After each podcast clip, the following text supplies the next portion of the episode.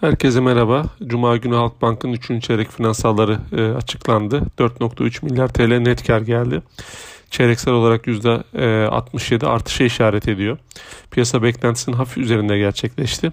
Çekirdek gelirlere baktığımız zaman artan mevduat maliyetleri nedeniyle daralan çekirdek sprete rağmen e, yüksek menkul kıymet gelirleri ve güçlü komisyonlar e, sayesinde çekirdek gelirlerin %81 yükseldiğini görüyoruz.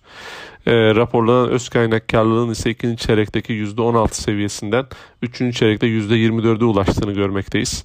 E, Halkbank için biz son çeyrekte e, güçlü finansallar bekliyoruz. Çünkü bankanın yükselen enflasyon ile menkul kıymet getirisini daha da arttırma alanı var. E, sonuçları Halkbank için nötr olarak değerlendiriyoruz. Endekse paralel getiri tavsiyemizi korumaktayız. Hisse için 10 lira 27 kuruş hedef fiyatımız mevcuttur.